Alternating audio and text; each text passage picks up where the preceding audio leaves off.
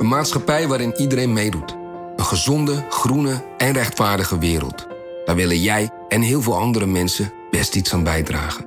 In het klein en in het groot. Dicht bij huis en ver weg. Zo hebben we vorig jaar 349 miljoen euro bij elkaar gebracht. Miljoenen waarmee onze goede doelenpartners de wereld elke dag een beetje beter kunnen maken. Nationale Postcode Loterij. Samen voor een betere wereld.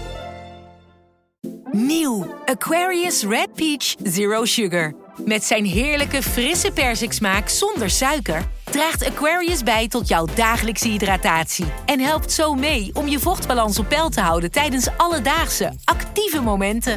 Thuis, op het werk of onderweg. Ook verkrijgbaar in smaken lemon en orange. Probeer hem nu.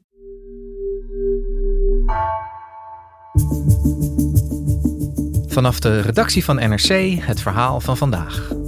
Mijn naam is Egbert Kalsen.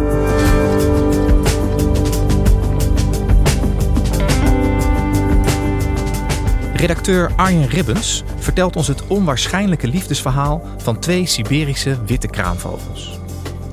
In het moerasland van Iran ontmoet Omid, na 15 jaar alleen te zijn geweest, een kraanvogelvrouwtje, Roja. Zij is speciaal gefokt om hun soort van de ondergang te redden. Betekent deze ontmoeting het behoud van deze Siberische kraanvogel?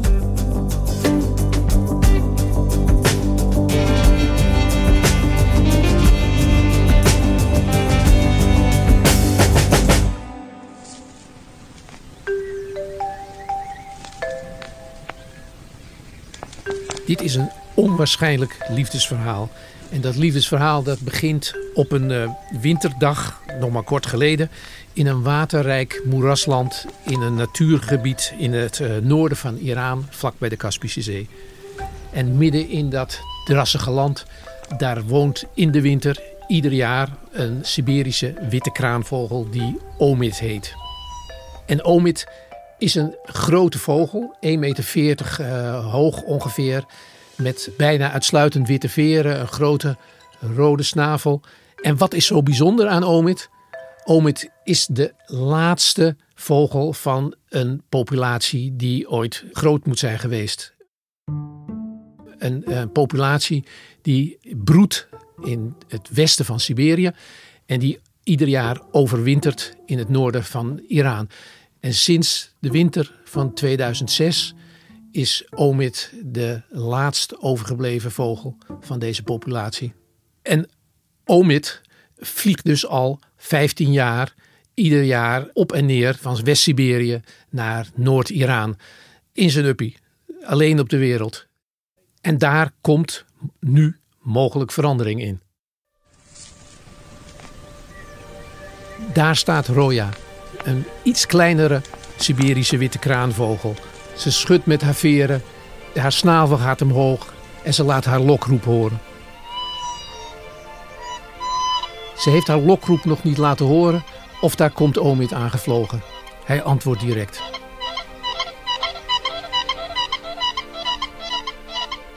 Roya is een vogel die speciaal in België is gekweekt voor Omid. Ze is zeven jaar oud.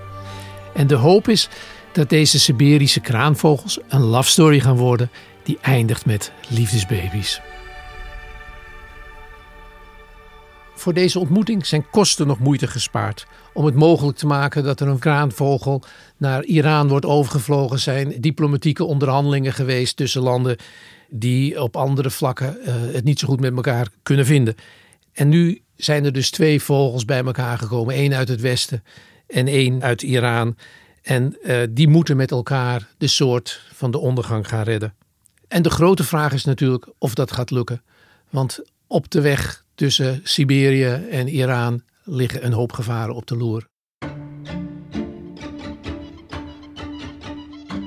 Hey, en die Omid die is dus al 15 jaar alleen. Hoe kan dat?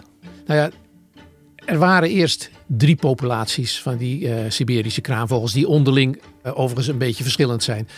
Je had een populatie in Oost-Siberië, die migreerde jaarlijks naar China. Die populatie, daar zijn nog een paar duizend vogels van over. Maar die populatie staat ook ernstig onder druk door de bouw van een dam in China. Die ervoor zorgt dat het moerasachtige gebied waar die populatie overwintert dreigt te verdwijnen, habitatverlies. Er was een populatie die van Centraal-Siberië naar India migreerde. Daar is de laatste vogel van in 2002 gezien. Die is waarschijnlijk door oliewinning en ook habitatverlies is die populatie geheel verdwenen. En dan is er dus nog de populatie eh, uit West-Siberië, waar nou ja, 50 jaar geleden nog ongeveer 15 vogels van over waren. En die is waarschijnlijk door bejaging gedecimeerd tot omid. Na het uiteenvallen van de Sovjet-Unie was er hongersnood in sommige voormalige Sovjetlanden. In uh, Tajikistan en in Kazachstan uh, waren jagers, boeren zagen een enorme kipfilet vliegen en schoten die kraanvogels soms af. Dat is een van de gevaren die er dreigen. Er zijn natuurlijk ook gewoon dieren in het wild die graag vogels eten. En Omid is dus de laatst overgebleven Siberische witte kraanvogel in het wild. Die nog uh, op en neer vliegt tussen Iran en Siberië. En daar, ja, dat is het mooie van dit verhaal, is dus nu Roya een vrouwtje bijgekomen. Arjen, waar komt die Roya vandaan? Daarvoor neem ik je mee naar Zoetendaal, een kleine uh, Belgische gemeente onder de rook van Maastricht. En daar staat een broedcentrum. En daar in dat broedcentrum werkt Geer Scheres en hij uh, is uh, voorzitter van de vereniging die verantwoordelijk is voor het kweken van die vogels. Goedemorgen, wij komen aan bij CBCC in Zutendaal, het centrum voor kraanvogels en hokko's. En wij doen de poort open. Allee. Ze wordt al wat wakkerder. Dag jongens, goedemorgen. Goedemorgen. Goed zo. Die zijn wakker. En daar in Zoetendaal is uh, Roya gefokt, speciaal voor Omid. Omid is een, uh, een mannetje en hij vliegt al 15 jaar zonder vrouwtje. De hele migratieroute, zo'n 6000 kilometer. En dan komt hij ook elk najaar weer terug. Hij vindt geen vrouwtje, er zijn geen vrouwtjes meer, want hij is de, enige die uh, nog overgebleven is van die populatie. En um, de vraag hadden wij gekregen jaren en jaren geleden om, om te zorgen dat er een vrouwtje bij komt. En dat vrouwtje, dat is Roya. Zo'n fokprogramma hè, voor bedreigde vogels en dus ook deze kraanvogels. Hoe is dat nou tot stand gekomen? Daarvoor moeten we 30 jaar terug in de tijd. Toen hebben uh, klimaatbeschermers een uh, Memorandum of Understanding uh, opgezet. het is een, een, soort overeenkomst met twaalf landen waar die drie populaties Siberische witte kraanvogels voorkomen. Dat is Rusland, China, India, Iran en de, nou ja, de voormalige Sovjetlanden waar de vogels overheen vliegen. En daar is geld voor beschikbaar gesteld door de Verenigde Naties, 10 miljoen dollar. En uh, nou ja, er zijn universiteiten bij betrokken, uh, dierentuinen en broedcentra uh, op verschillende plekken in de wereld. En daar is geprobeerd om vogels te kweken die gekoppeld kunnen worden aan die laatste in het wild levende Siberische kraanvogels. Dus die, die twaalf landen waar die kraanvogels uh, zeg maar van oorsprong uh, nou ja, in ieder geval voorkwamen, die zijn gaan samenwerken om te zorgen dat uiteindelijk deze roya uh, gefokt kon worden. Hoe is dat precies gegaan?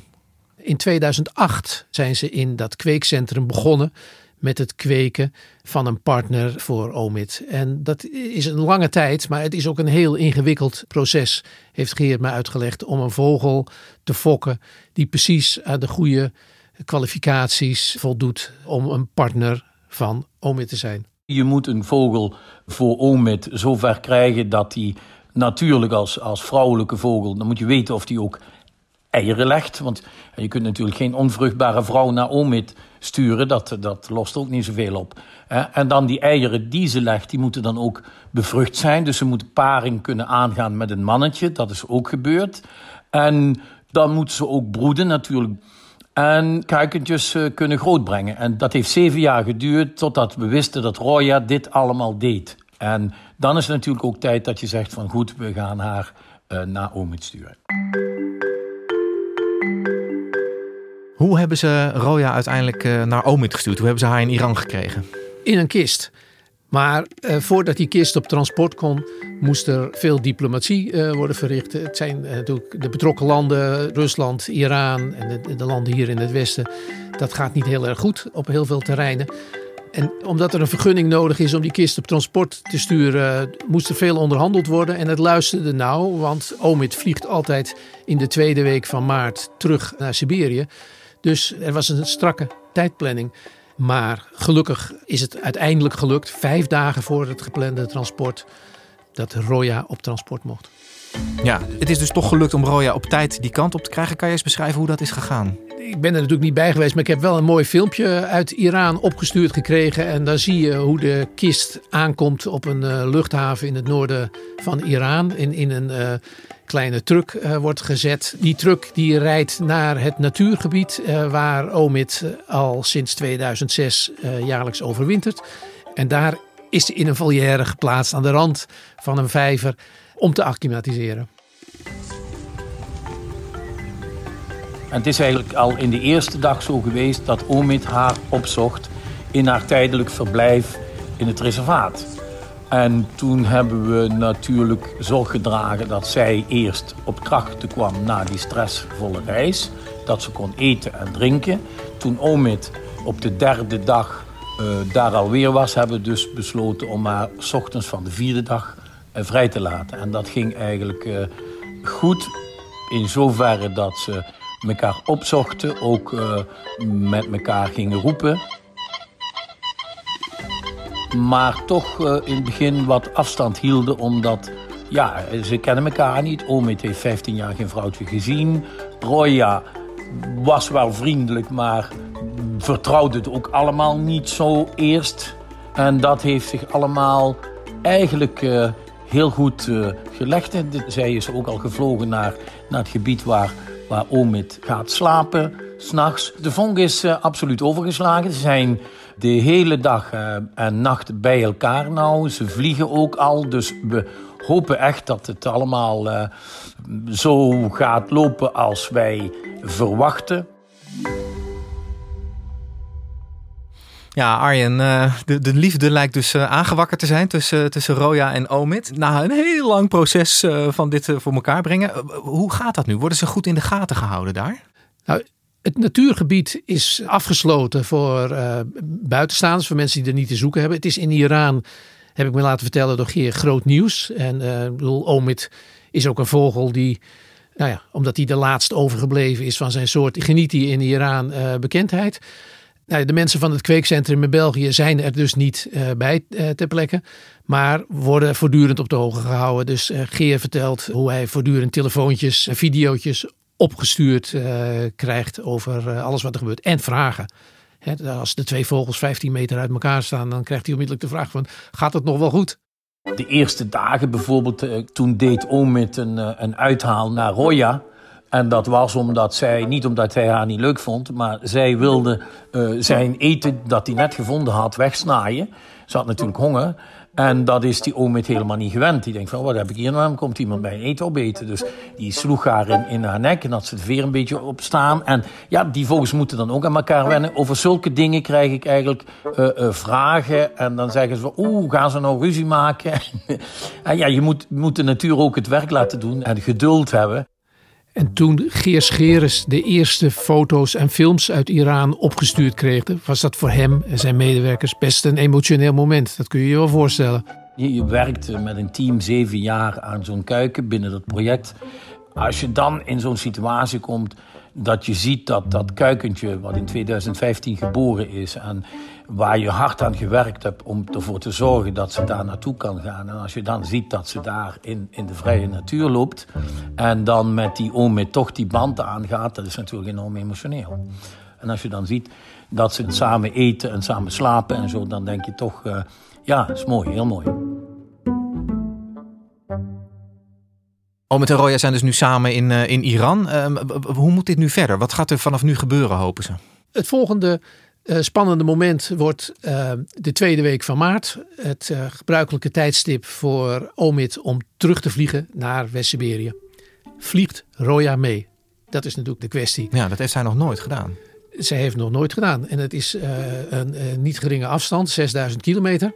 Dus dat is heel spannend. En in die 6000 kilometer kan enorm veel gebeuren. Er kan natuurlijk een boer in uh, Tajikistan zijn die denkt van god, twee kraanvogels. En, en, als hij dan zijn geweer uh, leegt op die vogels, dan, dan ja, dat is een groot drama. En het volgende belangrijke moment is, hè, komen ze aan in West-Siberië, in, het in het broedgebied. En gaat Roya daar eieren leggen. Meestal leggen kraanvogels maar één of twee eieren. En heel vaak is het zo dat het ene jong het andere jong om zeep helpt. Dus nou ja, komen er jongen, dat is het volgende belangrijke moment. In, in juni uh, broeden deze kraanvogels. En dan in september, dat is het echt een grote belangrijke moment. Dan komt Omid altijd weer aan in Noord-Iran en komt hij dan met een gezin. En waarom is dat zo cruciaal in dit hele proces? Dat is omdat kraanvogels de migratieroute van hun ouders moeten leren. Er zijn vogelsoorten die op instinct de route weten te vinden. Dat geldt niet voor Siberische witte kraanvogels. Die leren de route van hun ouders. En Omid is dus de laatste uh, Siberische kraanvogel die de route weet uh, van uh, Siberië naar Iran en omgekeerd. En ook weet waar je onderweg veilig kunt uh, fourageren. Ja, een zware last op de schouders van Omid en, en hopelijk binnenkort ook op die en van Roya. van Roya. ja, precies.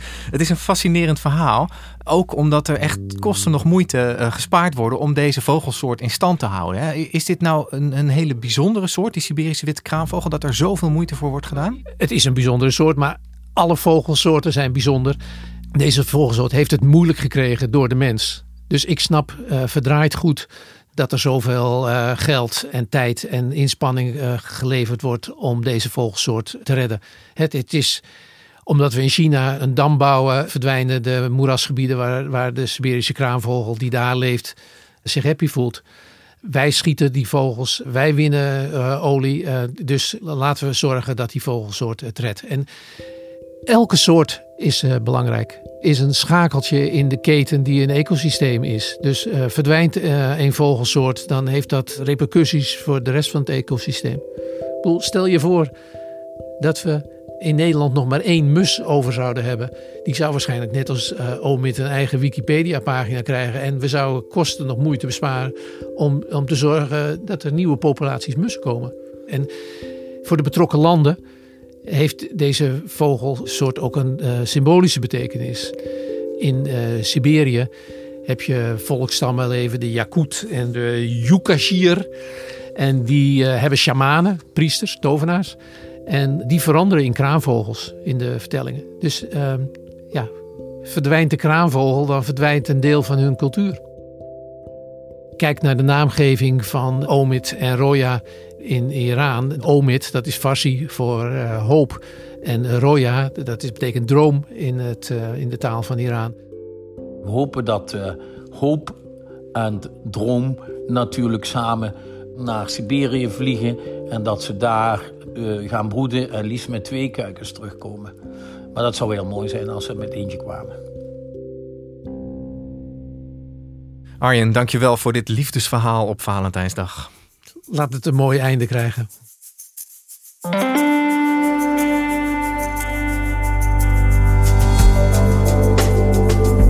Je luisterde naar vandaag, de podcast van NRC. Eén verhaal, elke dag. Deze aflevering werd gemaakt door Nina van Hattem, Lis Doutsenberg en Jeroen Jaspers.